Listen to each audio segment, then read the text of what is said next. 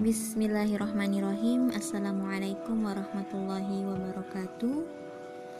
Hari ini Uma akan berkisah tentang Harun ar-Rashid Tidak lama setelah diangkat menjadi khalifah Harun ar-Rashid menunaikan ibadah haji ke Mekah.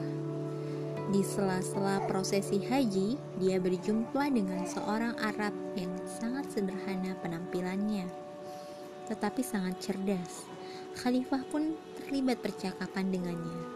Di tengah percakapan, Khalifah bertanya kepada orang ini, "Aku ingin bertanya tentang kefarduanmu.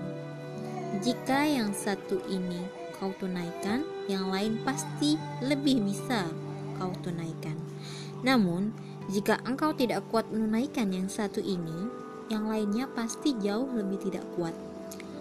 Orang ini menjawab, Kefarduan mana yang engkau maksud?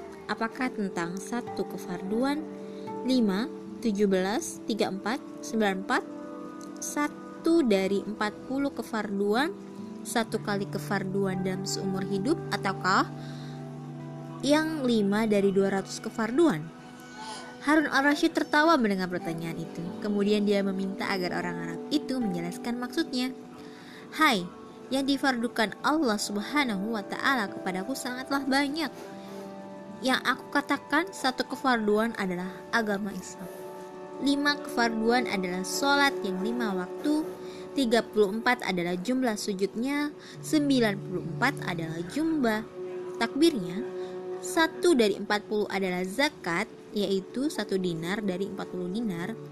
Satu kefarduan dalam seumur hidup adalah ibadah haji, Adapun 5 dari 200 adalah zakat harta benda ujarnya.